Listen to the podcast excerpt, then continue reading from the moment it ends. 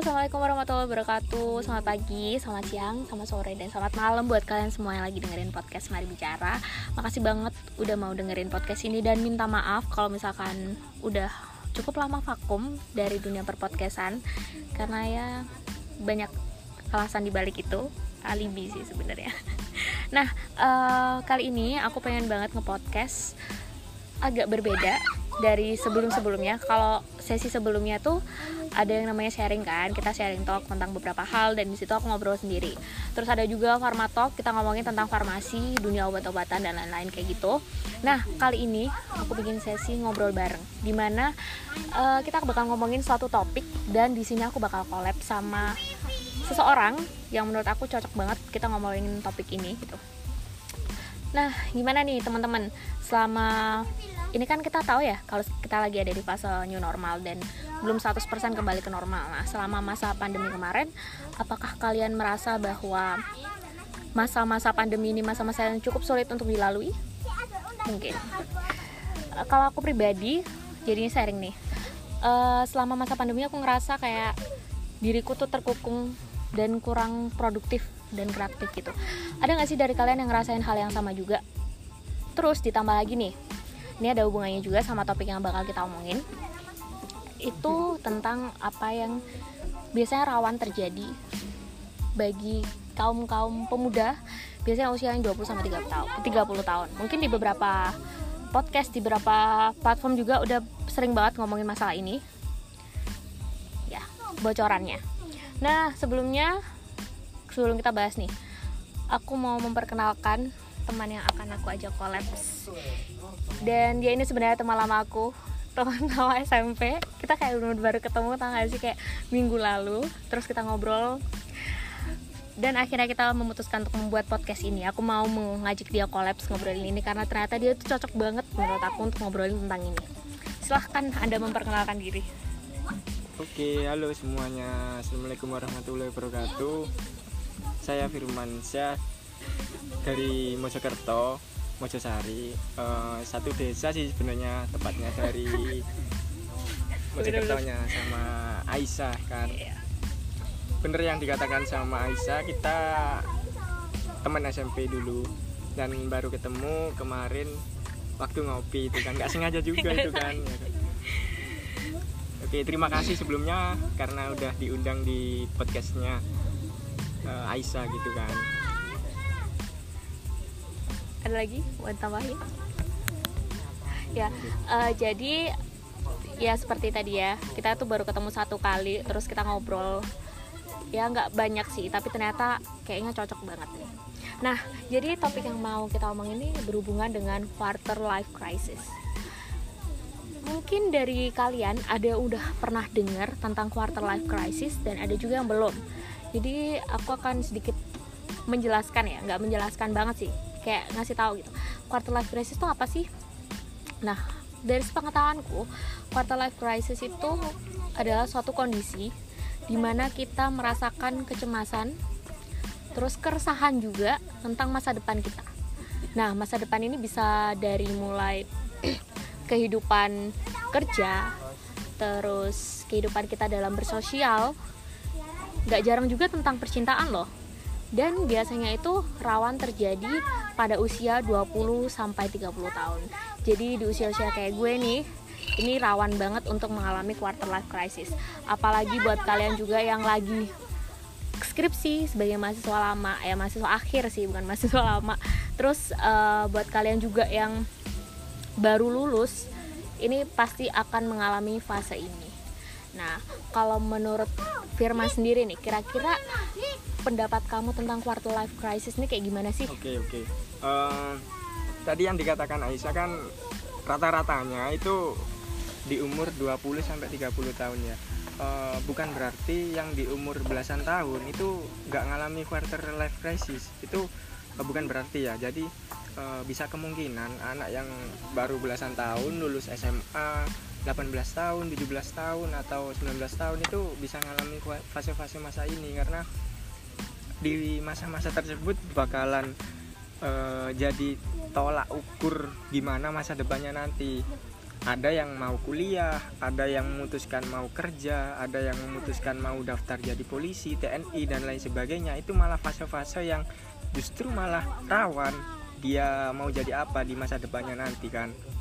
Nah, kalau dari menurutku sendiri fase-fase krisis di dalam hidupnya manusia tuh malah di lebih lebih banyaknya itu di belasan tahun itu tadi jadi ketika mau lulus SMA dia mau menentukan lanjut ke mananya dia mau pendidikan atau mau kerja atau mau ke ngabdi pada negara itu dia dia ngambil ngambil langkahnya itu malah justru lebih besar di belasan tahun itu tadi. Kecuali kalau misalkan uh, dia memutuskan kuliah itu kan otomatis dia ketika dalam puluhan tahun 20 sampai 30 tahun dia masih bingung tuh mau ngapainnya. Misal dia salah jurusan masuk di sebuah jurusan.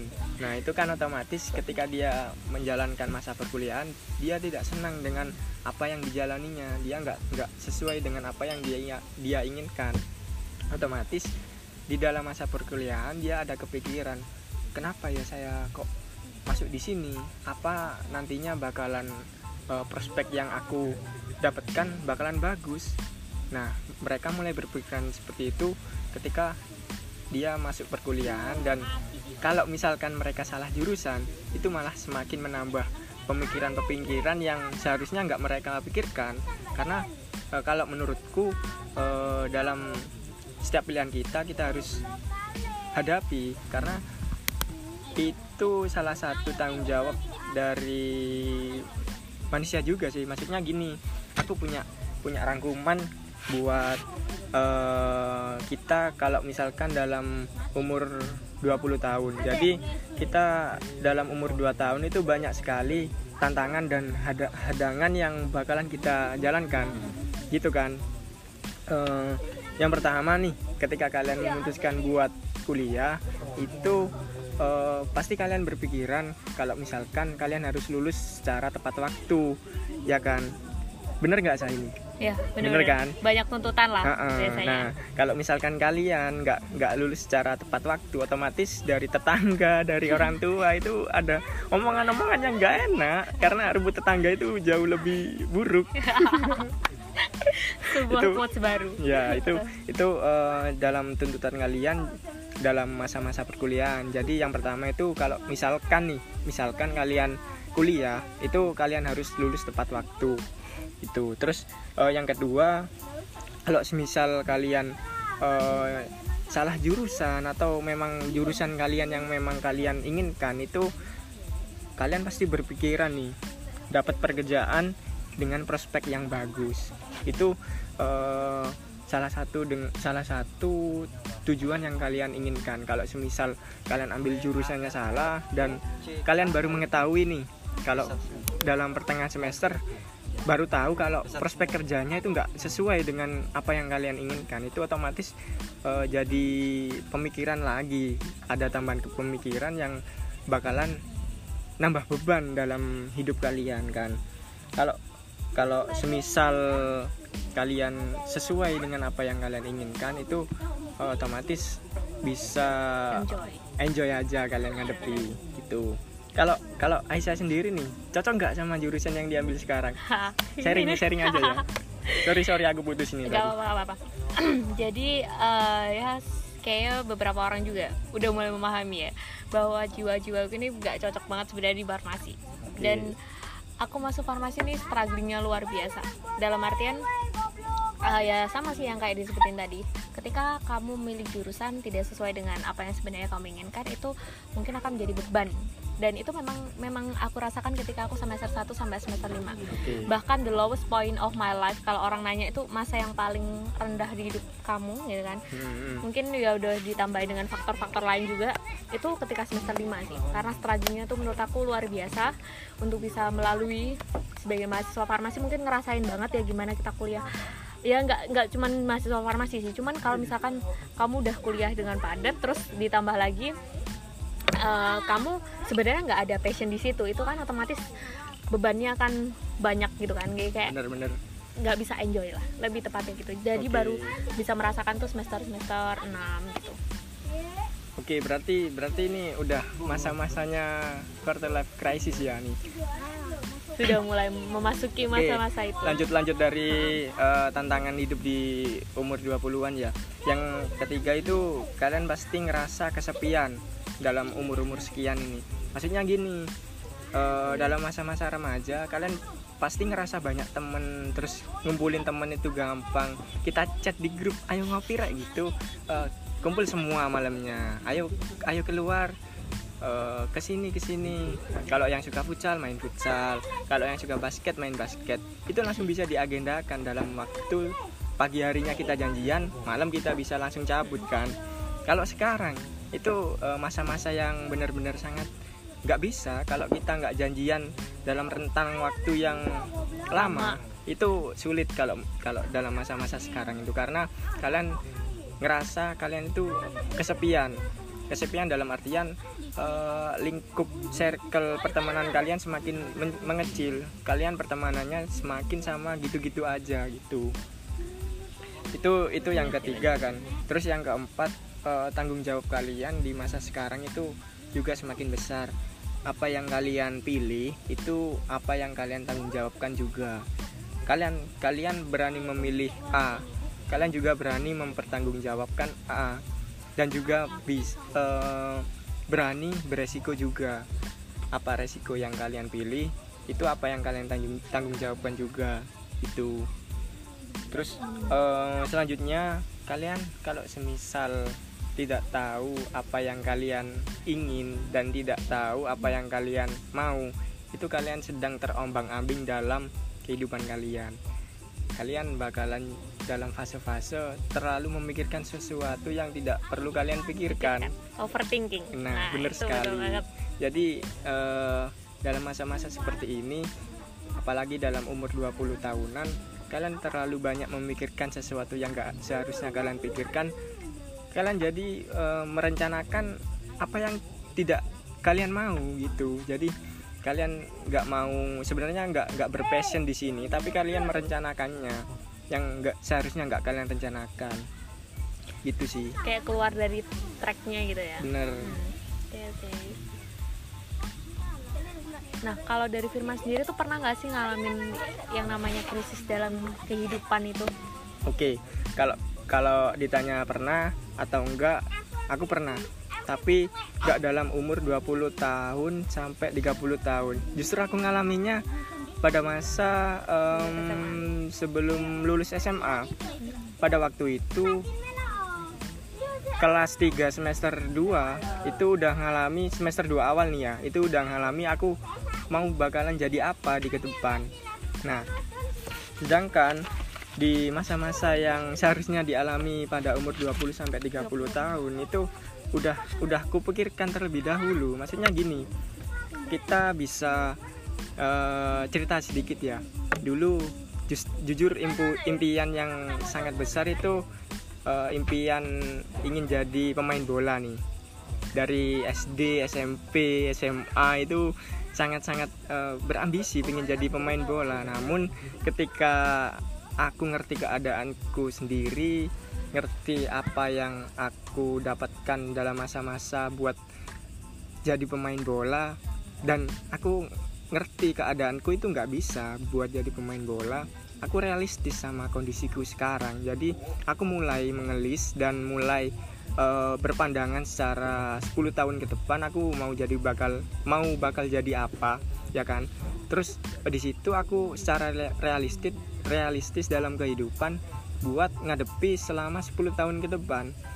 Di situ uh, benar-benar masa yang sangat-sangat riskan sih kalau menurutku.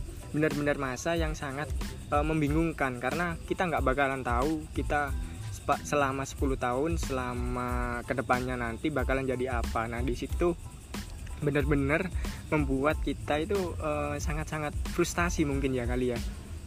Jadi frustasi itu sangat ketika dalam kehidupan kita gini-gini aja kita ngelakuin ini kita ngerasa nggak nggak berguna gitu. Hmm, kayak ngerasa worthless apa ya kayak nggak nggak ada arah gitu. Mm -mm, bener bener nggak ada arah nah menurut kamu sendiri uh, menurut Firman nih yang memicu munculnya krisis-krisis dalam kehidupan tuh apa sih? Um, memicu ke ke munculnya fase quarter life crisis ini ya. Kalau menurutku di dalam kehidupan tuh banyak sekali pilihan maksudnya gini kita dari kecil pingin jadi dokter pingin jadi pemain bola pingin jadi polisi pingin jadi TNI tapi ketika kita dalam fase yang semakin besar maksudnya semakin dewasa dewasa itu um, puncak karir dalam seseorang itu nggak harus apa yang kita pikirkan sejak kecil. Banyak sekali karir dan uh, pilihan-pilihan buat pekerjaan itu yang sangat prospek prospeknya itu sangat bagus. Dalam artian ketika kita dalam fase yang semakin besar atau fase yang awal dewasa kita berpikiran kalau semisal um, karir itu nggak nggak melulu tentang apa yang kita pikirkan dalam masa-masa kecil. Banyak banyak sekali karir yang um, prospeknya bagus dalam luar lingkup yang kita pikirkan selama kecil gitu kan. Jadi itu yang memunculkan fase quarter life crisis. Misal nih uh, ada ada peternak lele peternak ikan juragan juragan um, pedagang, juragan sawah juragan padi dan lain-lain. Itu benar maksudnya pekerjaan mereka itu tidak terlalu terpandang tapi penghasilan mereka mengalahkan pekerjaan-pekerjaan yang kita pikirkan selama SD bahkan gini um, dulu waktu zaman zaman zaman zaman ibu kita masih masih sekolah nih.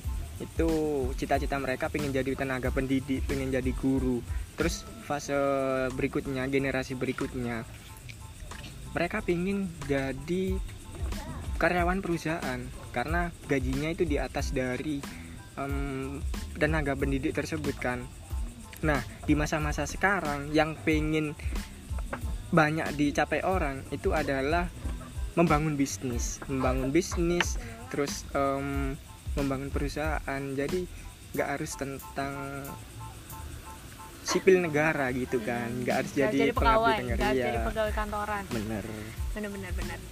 Jadi mungkin eh, harus berani out of the box ya. Nah. kalau misalkan kita mau apa keluar dari fase quarter life crisis dan yang paling penting tuh kita harus realistis. Oke kita harus mau bener. belajar banyak hal di luar dari apa yang memang kita impikan. Kita boleh kok bermimpi setinggi mungkin kita boleh punya impian kita boleh punya wish list tapi tetap kita juga harus realistis dan kita harus tetap usaha. Itu sih yang paling penting ya kan? Percuma kita ngelis mimpi tapi kita nggak pernah ada usaha sama bener.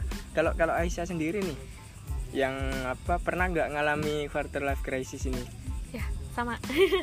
Aku juga pernah mengalami quarter quar- quar- ah quarter life crisis.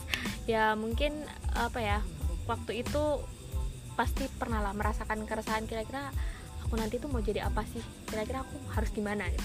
Nah kalau misalkan lulus SMA waktu itu kan aku pengen banget kuliah. Nah aku masih inget banget nih. Jadi aku waktu pertama kali buka pengumuman aku lolos masuk di jurusan farmasi aku nangis. Nangisku bukan karena aku seneng tapi karena aku emang nggak mau. Sampai kayak salah gitu. jurusan berarti ya. Jadi itu mungkin yang akan kayak membingungkan kira-kira gue mau jadi apa ya gitu. Bahkan sampai sekarang pun kalau ditanya eh, pengennya jadi apa? Aku masih berharap banget bisa nggak sih gue tuh jadi orang yang kayak diplomat gitu tapi I'm as a pharmacist gitu. Kayak masih ada rasa kayak gitu. Mungkin sampai sekarang juga kayak masih mikir ya kira-kira nanti gue eh, setelah lulus kuliah maunya kerja di mana ya gitu. Karena memang kalau misalkan di farmasi itu kan harus lanjut sekolah lagi gitu. Oke. Sempat ada kepikiran pengen langsung kerja cuman dari orang tua mungkin ya masih memik- hmm, apa ya sekolah dulu gitu. Nah terus kalau misalkan fase terendah ketika aku kuliah ya itu tadi ketika semester 5 udah itu udah. Galaunya minta ampun. Mau keluar ah, bukan keluar sih. Apa mau pindah jurusan udah nanggung banget cuy. Iya udah kayak udah di tengah-tengah udah nggak? semester lima Udah semester mau lima. mau keluar dan jadi maba lagi. Itu aku masih inget banget ya karena aku emang dari dulu pengennya HI dari SMP terus kebetulan lingkungan teman-temanku nih anak-anak HI jadi aku sering banget ikut komunitas mereka. Terus bahkan aku kemarin juga sempat ikut kegiatan juga kan di Malaysia sama anak-anak HI gitu. Jadi udah nih jiwa-jiwa HI makin terpupuk nih belajar banyak hal di HI Oke, pokoknya oke. pokoknya intinya temen gue tuh circle-nya anak HI gitu banyak banget gitu. Sampai kegiatan internasional di kampus tuh juga temenannya sama anak HI terus sama temen aku dibilang gini udah desa kuliah aja kamu di HI pindah udah gitu. Nanti aku yang bakalan ngajarin kamu dari awal sampai akhir gitu. Ngejar materi HI terus juga gini bukan masalah materinya. Kamu mau bayarin aku aku bukan mau pindah ke HI gitu. Karena memang apa ya itu bener-bener fase yang kayak sempet aku nyesel banget masuk farmasi karena kayak ya kenapa ya gue dulu nggak HI gitu. Kan kayak passion gue banget gitu. Sampai pada titik akhirnya itu tadi bahwa kita harus realistis dong. Maksudnya realistis itu dalam artian gue udah kuliah cuy di, di farmasi udah lima semester nih ini masa gue harus membuang waktu tenaga uang dan lain-lain? Gitu kan. Karena waktu itu juga kebetulan waktu aku kegiatan sama komunitas anak HI itu kan aku sering ikut kelas mereka. Nah itu aku teman-temanku coy yang satu angkatan bener-bener satu angkatan dia jadi maba. Dia HI hmm, jadi okay, bayangin kayak okay. gimana perasaanku pulang dari situ kayak mikir lagi gila ya kenapa ya gue dulu gak HI udah kayak mulai meresahkan banget kan kenapa ya dulu kayak, kayak nyesel apa? Kayak gitu. Cuman aku balik lagi masa iya aku mau mundur? gitu kan. Jadi kayak aku masih setengah hati tuh di situ. Terus akhirnya aku ketemu nih sama salah satu uh, mantan ketua dari komunitas itu gitu. Terus habis itu dikasih tahu gini aku ceritakan aku sharing tuh sama dia anak HI juga. Kak aku gini gini gini ini aku cerita. Aku dulu tuh sebenarnya passionnya di sini di HI tapi kenapa aku nggak bisa? gitu kan. Terus dia aku inget banget pesannya dia gini dek kamu tuh beruntung gitu. Kamu udah bener bener aja kamu udah masuk farmasi tapi kamu jangan pernah berhenti belajar maksudnya belajar apa yang pengen kau pelajari di luar kamu sebagai seorang mahasiswa farmasi gitu. Masa kamu pengen belajar tentang politik internasional? Ya udah kamu ikut aja kan kamu ikut kayak komunitas kayak gini gitu kan. Itu bakalan jadi poin plus gitu. Akhirnya dia cerita nih, kalau di HI kita tuh kayak gini-gini loh. Kita tuh masih bingung kayak gini. Kalau kamu kan misalnya kesehatan ya udah kamu sangkutin paut, sangkut pautin aja apa yang kamu pelajarin di HI sama ilmu kesehatan kamu gitu. Apa yang nyambung. Jadi kayak ya udah jadi poin plus aja gitu. Terus waktu itu juga kalau nggak salah aku sempat dengar juga dari dosenku kayak waktu praktikum kasih wejangan tuh banyak sampai aku akhirnya kayak nangis ya kenapa ya gue harus nyeselin gue masuk farmasi gitu. Dan sempet depresi itu yang sampai aku kayak ah, kayaknya gue semester depan cuti deh. Sampai ada yang di fase yang um, serendah itu maksudnya di fase terendah gitu. Sampai udah capek banget gitu. Tapi aku mikir lagi kalau aku berhenti kayak nanggung banget kan. Ini kayak udah setengah jalan ayo bisa bisa gitu. Jadi lingkungan yang nguatin aku akhirnya semester 6 tuh udah mulai udah aku yakin jadi anak farmasi. Gitu. Itu kayak kebimbangan banget kan kayak keinginan kita tuh sebenarnya yang kayak aku pengen tuh jadi diplomat gitu. Jadi kayak pengen banget nih cita-cita. Hmm. tapi kita harus realistis gitu. Kita juga harus tahu gitu loh kira-kira ada hal yang lebih bisa untuk diperjuangkan yang di depan mata gitu daripada itu kan bisa jadi apa ya kita bisa. Cuman mungkin kita mem memahami kapasitas diri kita lah. Kira-kira bisa nggak sih kita tuh dengan kondisi kita yang kayak gini tuh kita masih mencapai mimpi? Bukan berarti kalian berhenti untuk bermimpi enggak. Kalian tuh masih bisa banget. Nah ya itu tadi. Coba terus belajar cari pengalaman terus ya gimana caranya kalian tuh tetap bisa realistis tapi juga harus uh, visioner gitu dengan mimpi-mimpi kalian itu sih. Bener-bener. Jadi yang tak tangkap dari ceritanya Aisyah nih uh, kadang nih kadang apa yang kita rencanakan itu nggak nggak serencana sama rencananya Tuhan gitu kan. jadi uh, rencana Tuhan itu lebih bagus sebenarnya lebih bagus dan lebih baik dari rencana kita. Jadi nggak nggak nggak nggak apa ya nggak nggak melulu rencana yang kita buat terus kita nggak sesuai itu nggak nggak melulu itu buruk itu malah bisa menjadi jalan yang baik bagi kita. Soalnya rencana Tuhan itu lebih baik daripada rencana manusia kan? Ya bener banget. Jadi aku banyak banget dapat hikmah dari apa yang aku rasain ya. Aku sampai kadang mikir kayak gini. Kalau misalkan nih aku kuliahnya di HI kayaknya sainganku bakal banyak banget nih yang passionnya emang kayak gitu gitu. Tapi ketika aku jadi mahasiswa farmasi tapi aku menyukai sesuatu hal yang beda itu bakalan disorot gak sih? Maksudnya disorot tuh kayak ih ini anak gitu. Berani banget iya, ambil bener, apa bener. keluar dari zona nyaman. Dan itu emang bener-bener aku alamin gitu. Yang even I'm not the smartest apa student ya di farmasi tapi paling nggak itu masih ada yang disorot gitu. Oh dia berani keluar dari zona nyaman itu sih yang gue tangkep. Dan aku selalu kayak berpikiran gini kalau misalnya niat kita baik dari awal nih kayak misalkan aku ya aku masuk farmasi niatku baik awalnya pasti nanti ada jalan ke yang baik juga gitu yang dikasih sama Tuhan buat kita. Bener-bener nah, terus uh, nah ini juga nih. Kan kalau kita tahu ya beberapa akhirnya ini kamu main TikTok nggak nih Firman? Atau Instagram? Pasti kan Instagram, Instagram. Sih, Instagram Instagram. pasti nih. Nah biasanya kalau di Instagram ini kan banyak banget tuh orang-orang yang kayak sharing tentang pengalaman mereka. Banyak deh pokoknya yang baik-baik entah itu misalkan mereka pamer bukan pamer sih mungkin lebih tepatnya apa ya ngeblow up lah mereka tentang kehidupan mereka gitu. Itu sebenarnya pengaruh nggak sih dengan beberapa orang yang akhirnya kadang juga berpikir kayak ih dia kok bisa ya? Kok gue masih gini-gini aja? Jadi kayak ngerasa insecure gitu loh dan misal lihat selebgram nih Iya, selebgram nih kayak "Ih, gila ya kehidupannya dia dulu biasa aja sekarang udah jadi sukses gitu. Ada kan beberapa orang yang yang nggak semua orang kita bisa bilang akan berpikir positif nih. Tapi menurut kamu ada nggak sih pengaruh dari sosial media itu yang akhirnya ngebuat beberapa orang tuh justru bukannya malah termotivasi tapi malah insecure nggak percaya diri gitu dengan apa yang dia miliki gitu maksudnya kemampuan dia akhirnya kok dia bisa sukses ya? Kok aku nggak? Kayak gitu loh Eh, ada sih ada sih. Ada eh, efek efek negatifnya dari media sosial atau terutama di Instagram ya yang sekarang lagi hits-hitsnya dan aktif-aktifnya buat masyarakat nih. Nah itu kalau semisal ada orang lain atau selebgram atau teman kita sendiri bahkan yang em, mengupload kesuksesannya dalam bidangnya terus ada yang menikah ada yang punya warkop ada yang punya kafe ada yang bisa eh, mendirikan usahanya sendiri itu kadang buat kita jadi agak sedikit ngerendah gitu kan. Agak sedikit pesimis buat menjalankan apa yang kita jalankan sekarang. Masa aku kuliah gini-gini aja Nah, aku nggak iya. nggak nggak meras aku nggak bisa mencapai titik di mana yang aku inginkan gitu kan. Sedangkan mereka yang udah nikah mereka udah menjalankan hidup yang hidup sebenarnya. Terus di mana mereka juga bisa menjalankan tanggung jawabnya sebagai manusia yang utuh gitu kan. Dia sudah berani menikah dia sudah berani mengambil tanggung jawabnya sendiri. Terus kalau semisal ada yang lain seperti mendirikan usaha sendiri buat kafe terus buat usaha bisnis buat em, intinya mereka sudah bisa berpenghasilan sendiri itu juga membuat kita semakin eh, pesimis juga. Kenapa kok di masa-masa sekarang ini kita masih mengandalkan duit orang tua? Karena dalam masa-masa sekarang dalam masa-masa yang sudah semakin dewasa masa ya kita terus-terusan meminta orang tua gitu kan? Otomatis itu eh, menyebabkan kita semakin fase-fasenya makin kritis makin nggak menentu. Masa aku harus pindah jurusan lagi masa aku harus keluar kuliah atau aku harus kerja gitu kan? Kalau dari pesanku sih nggak usah terlalu dipikirkan kehidupan kehidupan orang itu. Karena setiap manusia itu punya jalannya masing-masing.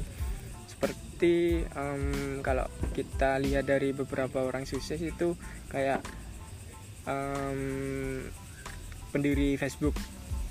Seperti saya lupa Mark aku. Mark Zuckerberg. Nah itu itu juga nggak nggak maksudnya mereka dia itu sukses sekitar umur 30 tahunan. Sedangkan kalau semisal kita ngejalankan di masa 20 tahunan kita masih belum apa-apa kan. Nah, sedangkan dia suksesnya baru di umur 30 tahunan. Jadi kita berusaha berpikiran positif aja. Maksudnya kalau kalian udah memilih A atau memilih jurusan yang kalian ambil sekarang atau kalian sekarang bakalan udah kerja ya udah itu kalian lakukan nggak usah nggak usah memikirkan apa yang nggak kalian pikirkan. Itu. Jadi kalian nggak usah nggak usah terlalu banyak pikiran. Yang seharusnya nggak kalian pikirkan malah kalian pikirkan. Gitu kan. Kalau dari Aisyah sendiri apakah sosmed nih pengaruh nih? Nah ini nih. Em, Gini ya Menurut aku sosmed itu suatu stimulan. Nah stimulan itu bisa kita respon positif atau negatif Tergantung kitanya. Gimana cara kita memfilter Gimana cara kita bener. menyikapi. Ada orang yang akan berpikir bahwa Eh dia aja bisa kenapa gue enggak? Nah ada juga orang yang berpikir kayak Ih dia kok bisa sih? Eh kok gue enggak? Nah maksudnya kok gue enggak itu dalam artian kok gue gini-gini aja ya? Maksudnya jadi insecure gitu. Itu jadi motivasi ya. Nah jadi menurut aku tetap fokus sama diri kalian sendiri sendiri kalau misalkan kalian lagi ngerasa kan kita nggak pernah tahu nih ya perasaan dan pikiran orang kondisi mental orang pada saat itu tuh kayak gimana. Kalau misalkan kalian memang merasa bahwa eh, Instagram tuh toxic ya udah kalian boleh kok untuk keluar dari Instagram dan menguninstall Instagram terus kalian fokus sama kehidupan kalian. Itu oke banget. Nah misalkan ada juga orang yang berpikiran bahwa gue harus lihat orang sukses buat motivasi gue. Ya udah kalian bisa tetap aja pakai Instagram dan ambil positifnya. Jadi itu tergantung dari kalian menstimulasi atau menanggapi dari uh, apa yang kalian lihat apa yang kalian tonton gitu. Itu sih menurut aku. Jadi tetap stay dan stay fokus sama diri kalian sendiri. Bener banget yang dibilang sama Firman gitu. Karena gini kita nggak pernah tahu cuy kehidupan yang ditampilin di Instagram dengan apa yang dia alami apa sebelumnya. Misalkan nih dia uh, apa ya upload tentang kesuksesan dia. Kalian kan nggak mungkin akan tahu gimana susahnya dia sebelum dia sukses itu. Karena ada orang yang upload ada yang enggak dan semua orang kalau di sosial media itu pasti akan nunjukin sisi positifnya pasti akan nunjukin yang baik-baik. Nggak mungkin dong dia akan nunjukin sisi negatifnya kecuali emang sengaja cari kontroversi gitu kan. Ya itu sih. Jadi kalian kan nggak pernah tahu nih perjuangan dia kayak gimana. Ya ambil positifnya aja gitu. Nah kalau kalian misalkan merasa emang masih belum bisa untuk di tahap itu ya udah kalian fokus sama diri kalian dan non aktifin Instagram untuk sementara tuh fine fine aja sih menurutku Iya sih, open mind dan realistis aja nah, gitu kan. betul. kan. Jadi nggak nggak semua apa yang diupload sama orang lain itu itu bagus untuk kalian. Kalian nggak tahu kehidupan mereka yang bakalan mereka hadapi dan mereka jalani mungkin lebih lebih keras dan lebih kejam dari kehidupan kalian. Jadi mereka itu um, mungkin sekedar ngupload yang membuat mereka seneng aja, yang ngehibur mereka sendiri kan. Tetap tetap berpikir positif, tetap berpikir kalau semisal kalian bisa buat mencapai dalam titik itu. Itu. Ya, betul banget sih. Nah, jadi itu tadi ya gimana cara kita harusnya menyikapi tentang sosial media yang mempengaruhi kehidupan kita nih di fase-fase quarter life crisis. Nah, tadi mungkin sempat disinggung sama Firman juga kan, kira-kira apa sih yang sebenarnya kita butuhin untuk menghadapi fase-fase quarter life crisis itu sebenarnya kita tuh harus kayak gimana sih? Bisa dijelasin lagi mungkin? Oke okay, oke. Okay. Gini ya, um, kalau aku jelasin fase-fase dari awal dan sampai akhir buat ngadepi ini um, ini mungkin udah tak rangkum dari selama aku ngadepi ini ya hmm. jadi kalau menurutku nih itu ada tiga sih ada tiga fase buat seseorang itu ngalami masa quarter life crisis nih um, yang pertama nih. Yang pertama itu ada alasan. Maksudnya gini alasan kenapa kok bisa ngalami dan kenapa kok bisa kita harus mengerti dalam fase dalam sedang masa fase tersebut. Kalau yang saya aku ceritakan tadi ya aku ngalami ini di masa belasan tahun. Itu benar-benar jadi setiap hari dan setiap pagi siang sore malam itu benar-benar terpikirkan. Yang aku nantinya bakalan jadi apa? Aku mau jadi apa? Dan bakalan ke mana?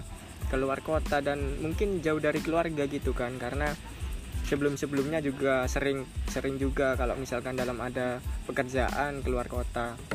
Nah dalam masa-masa itu itu jadi benar-benar masa yang harus terpikirkan dalam setiap waktu dan setiap hari gitu kan.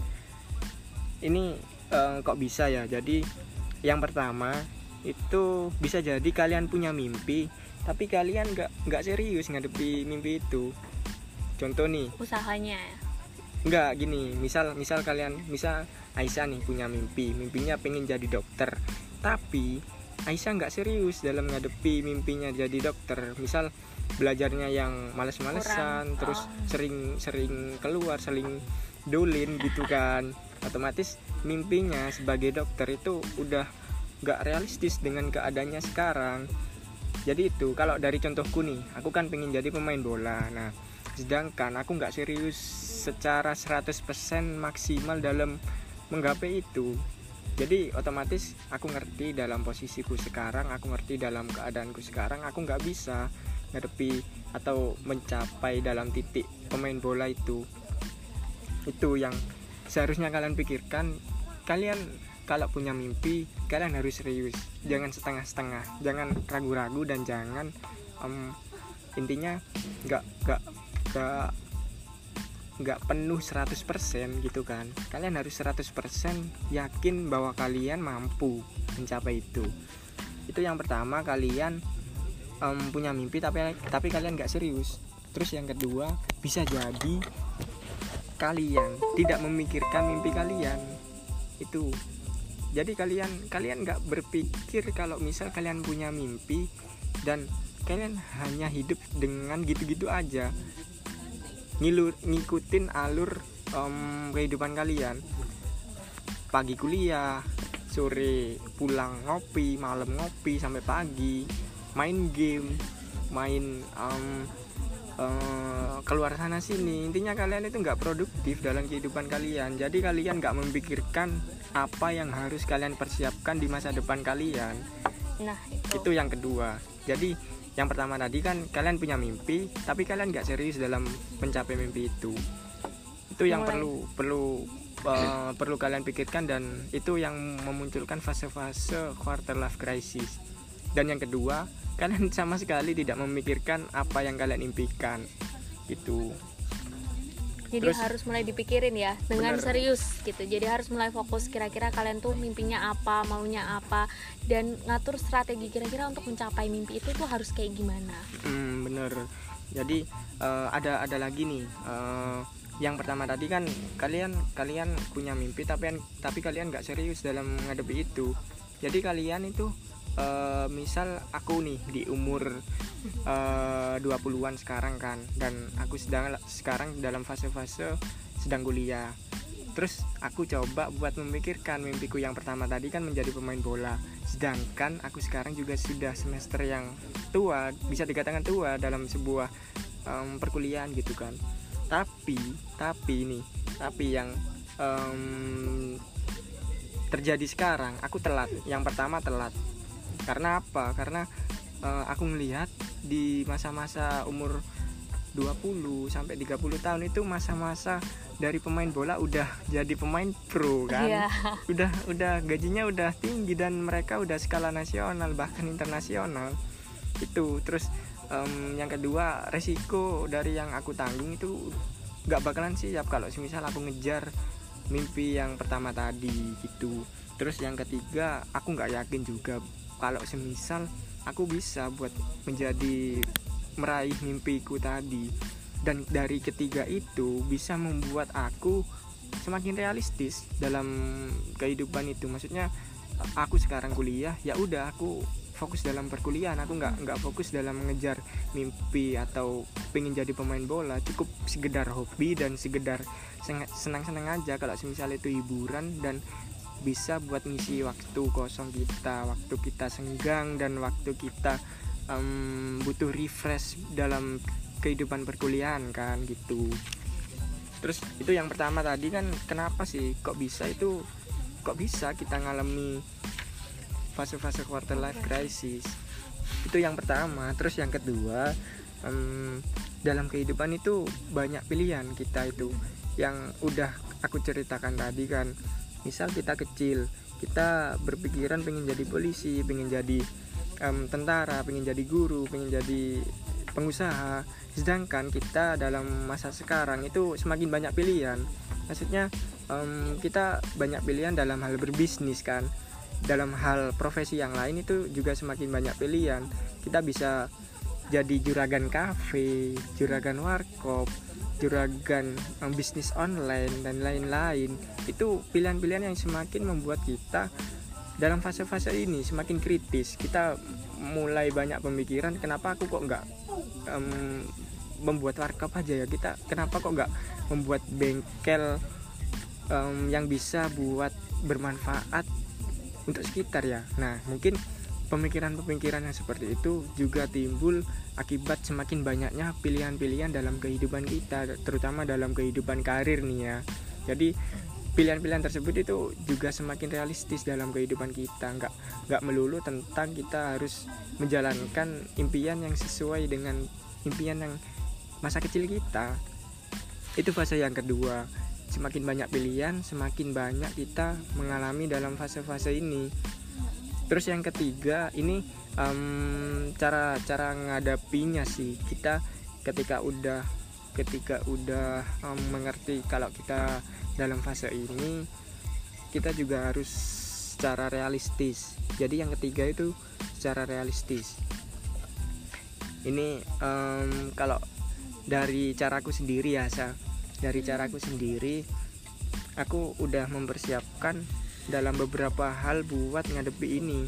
Kalau kalian udah tahu kalau kalian dalam fase ini otomatis kalian nggak bisa kan buat ngejar mimpi kalian dan dengan keadaan kalian yang seperti ini. Misal kalian kuliah kalian nggak bisa ngejar cita-cita kalian. Semisal mau jadi polisi mau jadi tentara itu um, sangat tidak realistis dengan keadaan kalian yang sekarang. Dan mungkin persentase buat jadinya itu sangat kecil kan. Nah um, kalau dalam realistis ini kalian harus yang pertama nih yang pertama kalian bisa membuat wishlist atau list keinginan kalian selama 10 tahun ke depan. Ini yang aku udah aku jalani waktu aku mau lulus SMK jadi aku aku membuat list buat persiapan aku selama 10 tahun ke depan. Buat persiapan dan buat um, intinya aku di masa depan mau jadi apa gitu kan. Nah waktu itu aku um, masih inget banget masih inget banget um, mau meneruskan kuliah kerja atau daftar polisi nih jadi ketiga ketiga pilihan ini aku ajukan ke orang tuaku nah dari orang tuaku nggak ada saran yang begitu menuntut aku mau jadi apa aku mau jadi apa itu jadi uh, intinya terserah terserah terserah diberi kebebasan mm -mm. untuk memilih lah mm -mm. Mm. jadi nggak nggak nggak ada tuntutan dari mereka kan otomatis ya semakin bingung aku mau jadi apa kan? Nah di situ aku membuat wishlist dari ketiga itu dengan resiko-resiko dengan rintangan-rintangan yang bakalan aku hadapi. Nah ini um, dari realistis realistis ini ada tiga ya tadi ya. Rintangan terus kalian kalian kalau semisal punya punya mimpi dan punya target buat 10 tahun ke depan yang itu bakalan realistis buat kalian hadapi dan kalian udah berkecimpung dalam dunia kalian sekarang kalian harus membuat wishlist buat rintangan kalian. Rintangan apa yang kalian hadapi rintangan apa yang bagian bakalan kalian jalani dan itu kalian pasti punya wishlist juga buat ngadepinya nah kalau semisal kalian udah buat rintangan buat list rintangan kalian kalian harus juga buat ngelis apa saja yang kalian lakukan dalam setiap harinya. Jadi kalian itu buat um, to do list apa yang kalian lakukan hari ini. Nah itu buat um, mempersiapkan kalian mau jadi apa kalian mau um, beraktif beraktivitas apa buat ngejar mimpi kalian itu. Hmm. nah itu perlu kalian lakukan. Misal nih malamnya kalian evaluasi kegiatan hari ini um, kurangnya apa buat ngejar mimpi kalian? Besoknya kalian masukkan dalam to do list kalian. Itu terus um, dari wishlist kalian juga kalian harus mencantumkan keuntungan kalian. Kalau misal kalian mengejar mimpi kalian atau list kalian yang kalian pingin kalian harus punya keuntungan apa yang kalian bakalan dapatkan? Gitu. Jadi keuntungan yang bakalan kalian dapatkan itu bakalan jadi motivasi kalian Nah, kalau yang aku tadi nih cerita sedikit pengalaman ya. Hmm, waktu mau lulus nih, aku punya tiga pilihan kan tadi. Pilihan pertama aku mau jadi mau daftar buat polisi. Yang kedua mau kuliah. Yang ketiga mau kerja. Itu bener-bener apa ya? List yang udah mateng banget udah mateng dan udah aku persiapkan udah aku tanyakan udah aku survei ke lingkungan sekitar kalau semisal tiga-tiganya ini memang benar-benar positif dalam kehidupanku. Nah caranya gimana buat aku ngelakuin wishlist ini? Nah yang pertama nih um, kenapa kok daftar polisi ini atau pengen jadi polisi yang pilihan pertama? Karena tentunya kan nggak nggak munafik ya. Kalau misal kita jadi polisi gajinya kan udah udah apa udah terjamin gitu kan. Kehidupan juga terjamin. Terus um, kita pensiun juga ada uang tunjangan pensiun gitu kan. Jadi ya nggak nggak munafik juga. Pengen ngangkat derajat orang tua juga kan. Dan pengen ngelancarkan keuangan dan ekonomi mereka juga itu. Terus yang kedua kenapa kok aku pilih kuliah? Karena um, di dunia pekerjaan sekarang itu terutama di pabrik-pabrik kan nggak nggak ada yang sistemnya sistem pekerja tetap. Jadi sistemnya sekarang kan kontrak. Kalau semisal 1-2 tahun atau bahkan bahkan tiga tahun itu pekerja yang udah bekerja di situ bakalan dibuang. Bakalan nggak nggak berlaku di pabrik. Nah otomatis persaingan dalam dunia pekerjaan itu semakin ketat. Sedangkan kalau semisal kita kuliah itu ilmu yang kita dapatkan nggak nggak melulu tentang apa yang kita dapatkan selama perkuliahan. Banyak banyak dari um, ilmu-ilmu yang nggak nggak kita dapatkan dalam dunia kelas itu hmm. bisa kita praktekkan gitu kan. Jadi um, lebih tepatnya kita nggak harus jadi pengikut kita harus jadi pembuat jalur gitu. Terus yang ketiga kenapa kok aku milih kerja? Karena jujur aku dulu dari SMK kan. Jadi kalau semisal di SMK itu kalau mau kerja gampang. Karena relasi dari SMK ku sendiri tuh banyak banget kan. Nah itu benar-benar udah ngejamin aku buat kehidupan ke depan atau lima tahun ke depan. Singkatnya lima tahun ke depan itu aku aku bakalan kerja. Kerja di sini di sini. Nah ini uh, sedikit cerita juga ya hmm. untuk ngadepin itu. Waktu ada mau lulus jujur aku udah diterima di sebuah perusahaan. Jadi list list dari ketiga list ini aku um, kayak udah ketiganya ini udah hampir bener-bener tercapai. Aku ngelakuin list ketiga dulu. List ketiga udah kecapai dan aku mau berangkat ke Jepang buat bekerja di sana itu aku batalkan. Karena aku keterima kuliah kan di Surabaya. Berhubung keterima kuliah aku memilih kuliah karena um, itu jadi pilihanku yang kedua. Dan aku memilih kuliah aku nggak pengen masuk ke jurusan lain selain jurusan jurusan di SMK aku sendiri gitu kan. Jujur aku nggak ada niatan buat kuliah dan nggak ada passion buat kuliah dan nggak ada kepinginan buat kuliah. Karena um, ada biaya lagi ada ada dana lagi dan itu juga menghabiskan dana dari ekonomi keluarga juga kan. Prosesnya nah, juga nggak singkat lah istilahnya. Iya benar. Jadi um, pemikiran kuliah itu aku mau kuliah tapi aku maunya dalam jurusanku sendiri dalam jurusan teknik yang sudah aku dalami dalam SMK itu tadi. Karena aku intinya aku seneng gitu loh nyaman dalam jurusan itu. Kalau aku nggak masuk jurusan itu ya udah aku nggak mau kuliah gitu sih prinsipku dulu gitu. Terus um, berhubung aku kuliah diterima kerja di salah satu perusahaan di Jepang aku lepaskan. Terus waktu pendaftaran um, apa polisi uh, waktu itu nggak nggak lolos sih nggak lolos nggak lolos. Terus oh ya udah aku ambil dalam pilihan kedua tadi. Jadi intinya sampai sekarang nggak nggak ada rasa menyesal buat aku masuk di situ itu. Ya ini ini udah jalanku dan udah pilihanku yang udah aku rencanakan sejak awal gitu kan. Nah jadi buat kalian buat teman-teman semua nih kalau kalian sekarang dalam masa-masa seperti itu ini yang seharusnya kalian jalani dan kalian hadapi. Ini kalau kalian uh, bener-bener masih bingung mau ke mana kalian harus buat wishlist tadi.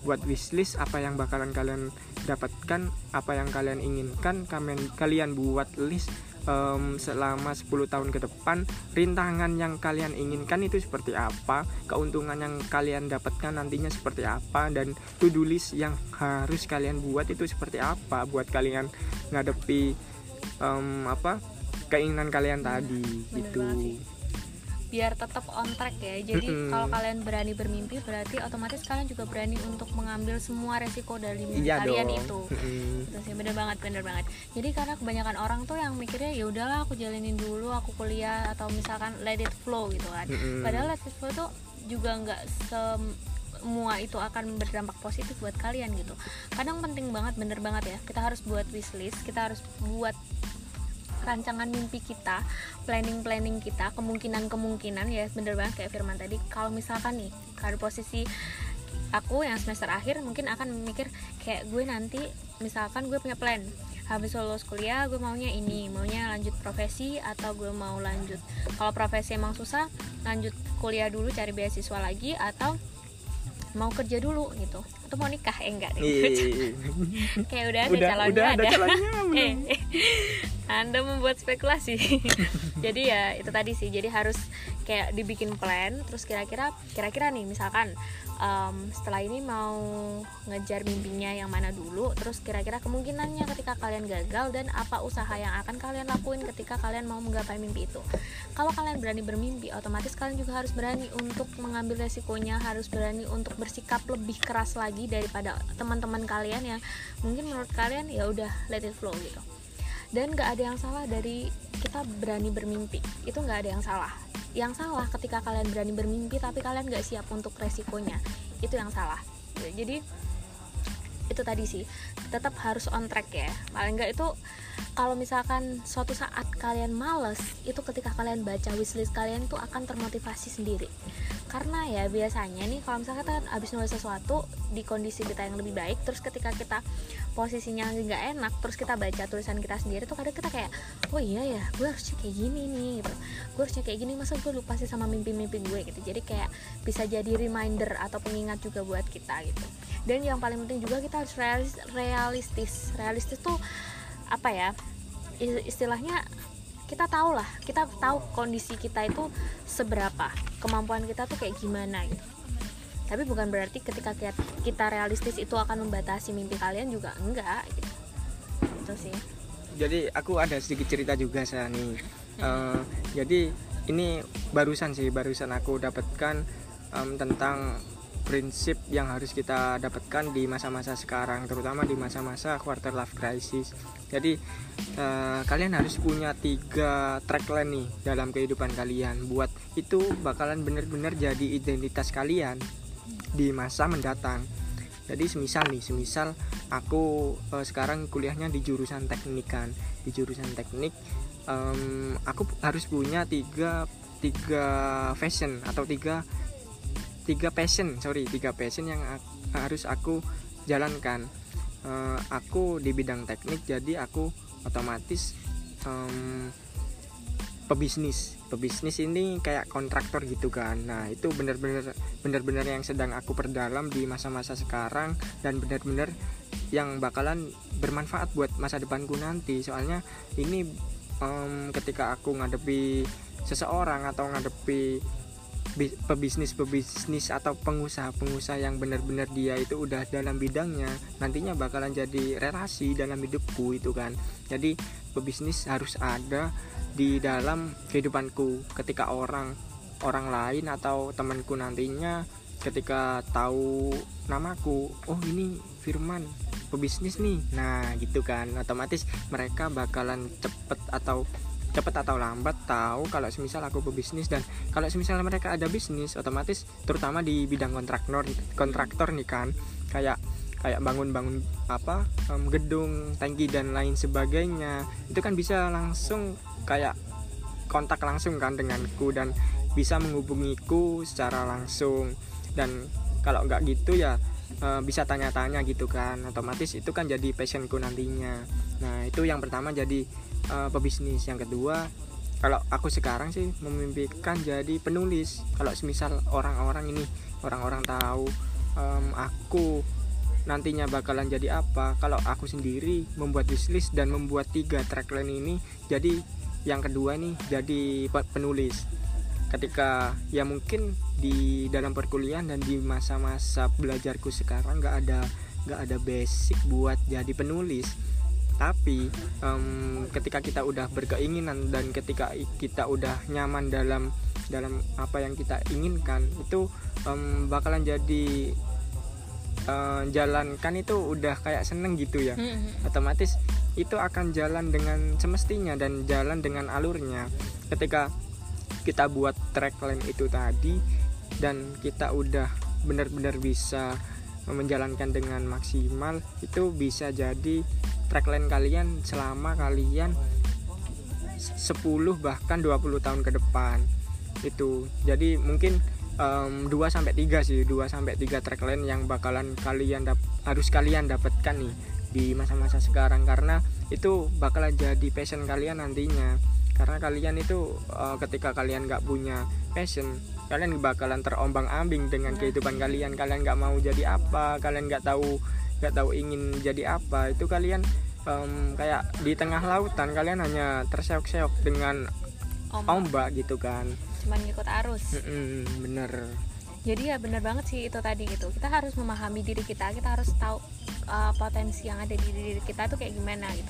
Nah caranya tahu potensi diri kita banyak sih. Kita bisa kayak ada tes beberapa tes gitu kan juga untuk mengetahui. Tapi kalau biasanya uh, untuk tahu apa sebenarnya mau kita dan passion kita tuh kayaknya lebih ke self talk dan memahami diri kalian sendiri sih. Sebenarnya kalian tuh maunya kayak gimana sih? Kalian tuh punya rencana ke depan tuh kayak gimana gitu? Passion, hmm. dicocokin sama passion kalian selama ini kalian merasa nyaman ketika apa? gitu ketika gimana. Nah terus kemudian banyak banget nih biasanya orang-orang yang mengalami quarter life crisis itu akan overthinking. Overthinking yang kebanyakan mikir. Kebanyakan mikir suatu hal yang emang nggak perlu dipikirin sebenarnya gitu. Karena mungkin emang kondisi yang sedang tidak baik-baik saja jadi otomatis akan menjadi moodnya tuh nggak enak terus akhirnya overthinking. Nah caranya yang paling mudah untuk kita biar nggak overthinking itu ya produktif cuy. Produktif gitu ya bener, banget kayak Firman. Kalau misalkan kalian produktif udah deh beneran. Kalian tuh nggak ada waktu untuk mikirin satu hal yang nggak penting.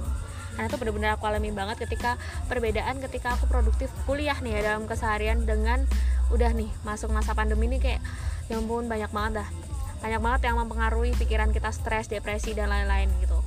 Nah jadi makanya tuh coba untuk produktif produktifnya banyak tergantung dari kalian. Kalian tuh passionnya di mana? Balik lagi ke situ gitu. Jadi balik lagi untuk memahami produktif yang cocok buat kalian tuh gimana ya?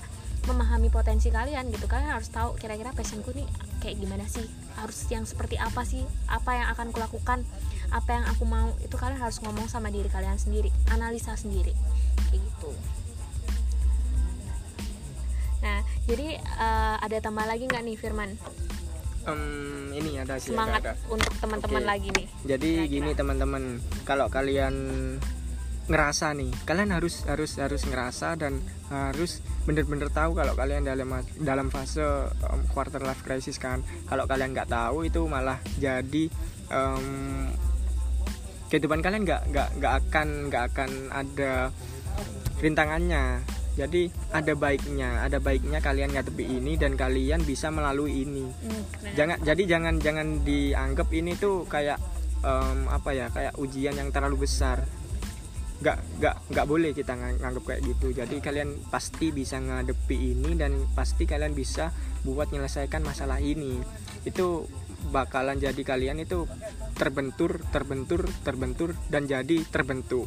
Itu kalian kalian um, bakalan bakalan ngadepi fase-fase ini dan bakalan jadi orang yang tidak bisa dipecahkan nantinya. Maksudnya kalian tidak bisa dihancurkan nantinya dengan dengan kalian udah terbentuk dan kalian udah jadi manusia yang manu, memang benar-benar manusia dan udah menemukan jadi diri kalian dan menemukan fashion kalian dan kalian udah jadi um, manusia yang memang benar-benar layak buat hidup di dunia. Maksudnya kalian udah jad, udah berada di jal, jalur kalian itu tadi. Udah jadi, layak untuk berkompetisi lah nah benar. jadi jangan jangan anggap ini sebagai masalah yang terlalu besar. Jangan anggap seperti itu. Jadi kalian hadapi dan kalian harus um, apa jalani dengan apa yang udah saya bicarakan tadi kan. Membuat wishlist dan to-do list membuat rintangannya nanti apa terus keuntungannya nanti apa terus kalian nanti mau jadi apa selama 10 tahun ke depan kan. Jadi kalian bisa pasti bisa. Kalau kita berpikiran bisa kita pasti bisa. Kalau kita berpikiran tidak bisa itu pasti kita tidak bisa. Intinya seperti itu sih. Nah terus tambahan juga buat aku eh, apa dari aku. Maksudnya dari omongan Firman tadi bener banget. Dan yang paling penting itu kalian nikmati aja prosesnya. Ketika kalian merasa bahwa diri kalian emang lagi mengalami fase quarter life crisis ya udah it's okay gitu loh. Tapi ya itu tadi kalian juga harus percaya bahwa kalian akan bisa melewati fase ini gitu. Benar benar nah itu. Jadi dari kepercayaan yang kalian bentuk dengan diri kalian sendiri bahwa kalian bisa melalui ini ya pasti kalian akan bisa untuk melalui. Dan jangan lupa sih kalau percaya aja nggak cukup ya kalau nggak ada usahanya. Itu juga penting ya udah jadi uh, kayaknya cukup sekian ya untuk podcast kali ini. Makasih banget buat kalian yang udah mau dengerin. Kalau misalkan kalian punya feedback silahkan bisa banget langsung aja DM ke Instagram. Nanti kita ngobrol banyak hal. Dan insya Allah nanti juga jangan lupa dinantikan untuk podcast selanjutnya. Kira-kira enaknya ngomongin apa ya untuk selanjutnya? Ditunggu aja. Makasih banyak pokoknya udah mau dengerin dan mau stay. Sampai udah hampir sejam nih ya. Ya udah sekian akhir kata dari aku Aisyah Maudia Sari. Terima kasih udah mendengarkan Wassalamualaikum warahmatullahi wabarakatuh. Waalaikumsalam.